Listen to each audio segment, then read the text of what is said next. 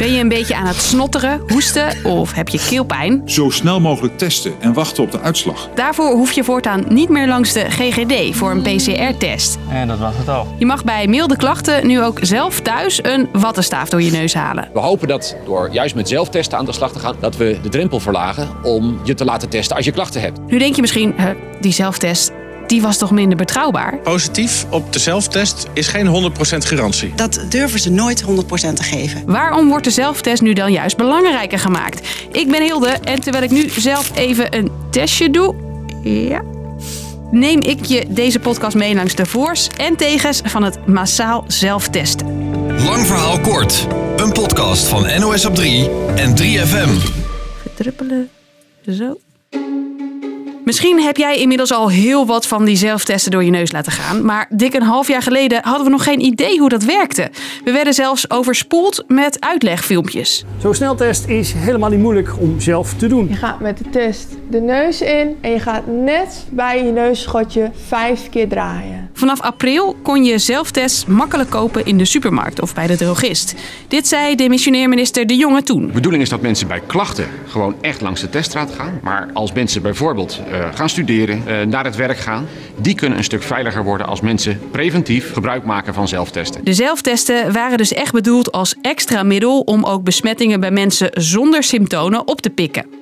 Volgens deze arts en OMT-lid moest je zo'n test dus echt niet gebruiken wanneer je klachten had. Dat is omdat de test wel gevoelig is, maar niet zo gevoelig als bijvoorbeeld een PCR-test. De afgelopen maanden is er door Nederlandse wetenschappers heel wat onderzoek gedaan naar zelftesten. En daaruit blijkt dat ze een stuk betrouwbaarder zijn dan we tot nu toe dachten. Wij hebben in het begin van het jaar een studie gedaan en toen bleek dat die betrouwbaarheid ongeveer 70% was. En dat is inmiddels met een recent onderzoek 90%. En daarmee lijkt een zelftest bij milde klachten bijna net zo betrouwbaar als een GGD-test.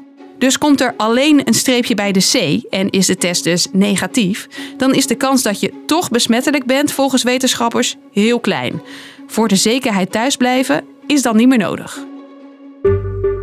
Dat heeft volgens het demissionaire kabinet en wetenschappers allerlei voordelen. Allereerst hoef je veel minder lang te wachten op de testuitslag. Als je ochtends wakker wordt en je moet les gaan geven als leraar en je hebt een snotneus, dan mag je dus in principe niet gaan werken. Dan moet je die afspraak maken, uitslag wachten, duurt 1 à 2 dagen. Die geef je geen les. Nu kun je zo'n zelftest doen en als die negatief is, dan kun je gewoon gaan werken. Dit zei demissionair premier Rutte tijdens de laatste persconferentie. Op dit moment laat bijvoorbeeld minder dan de helft van de mensen zich testen bij klachten. Het kabinet hoopt dat met het nieuwe zelftestatvies de drempel om te testen veel lager wordt. En dat is belangrijk, vindt ook deze microbioloog. Op het moment dat je meer mensen kan testen, is het eigenlijk gunstiger dat je heel veel mensen test met een wat minder gevoelige test, dan maar een heel beperkt aantal mensen met een perfecte test. En er is nog een voordeel. Bij de GGD gaan er nu zo'n 100.000 tests per dag doorheen. En dat was het al. En dat is de max.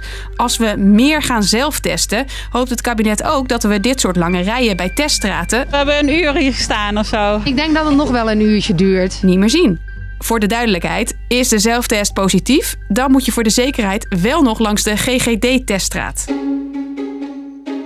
Niet iedereen is enthousiast over het massaal zelftesten. Sommige wetenschappers en artsen zijn kritisch. Want hoe betrouwbaar een test is, hangt ook af van hoe goed je met de wattenstaaf door je neus roert.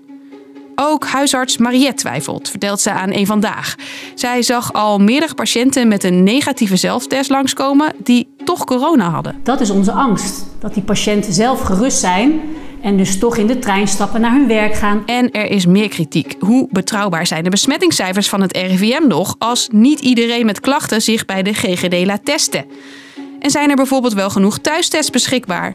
Na wc-papier en handzeep werden de laatste tijd zelftests massaal gehamsterd. De vraag naar zelftests is echt enorm gegroeid. De afgelopen weken hebben wij zelfs een vervijfvoudiging van het aantal verkopen gezien. Volgens fabrikanten zou de voorraad groot genoeg moeten zijn.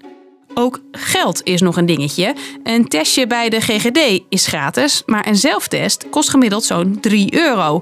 En dat kan niet iedereen betalen, zegt het Armoedefonds. Op het moment dat je een budget hebt van 40, 50 euro in de week, je hebt in een gezin toch zeker een aantal zelftesten per week nodig, dan drukt dat zo op de begroting dat ze gewoon niet uitkomen. Het kabinet gaat daar volgens mijn collega in Den Haag nog wel naar kijken. De Kamer heeft erop aangedrongen dat het voor de lage inkomens toch echt gratis moet worden. Dat gaat het kabinet doen. Hoe ze dat gaan doen, dat is nog niet helemaal duidelijk. Wel krijgen in ieder geval scholen een heleboel gratis tests en worden er ook hele dozen naar de voedselbank gestuurd. Dus, lang verhaal kort. Meer dan een half jaar geleden kon je voor het eerst, als je wil, zelf een wattenstaaf door je neus halen. Toen alleen nog preventief, omdat de tests niet altijd even betrouwbaar waren. Inmiddels denken wetenschappers daar anders over en is het vooral belangrijk dat zoveel mogelijk mensen zich testen.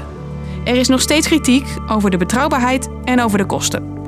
Was de podcast weer voor nu? Oh, ik heb natuurlijk ook nog mijn eigen test. Eens even kijken. Haha, negatief. Gelukkig. Nou, goed nieuws. Dan staat er volgende werkdag rond 5 uur weer een nieuwe aflevering voor je klaar. Doeg! 3FM podcast van de makers van Streetlab. Welkom bij de Zelfhulp Boekenclub podcast. Een nieuw hoofdstuk van de Zelfhulp Boekenclub. De podcast voor luie lezers met existentiële vragen. Er is echt wel een beweging in de wereld die niet alleen, het hoeft niet per se, ik ga zweven op een matje en ik maak contact met het universum Nou. in het quantum field. Spiritueel vrije. Klinkt gelijk lekker, toch? was niet dat ik dacht, wat een zwakkeling. Dat hij hierom gaat janken. Nee, helemaal nee, niet. Nee. dat zorgde eigenlijk juist voor verbinding. De Zelfhulp Boekenclub. Check je via de 3FM-app of jouw favoriete podcastplatform.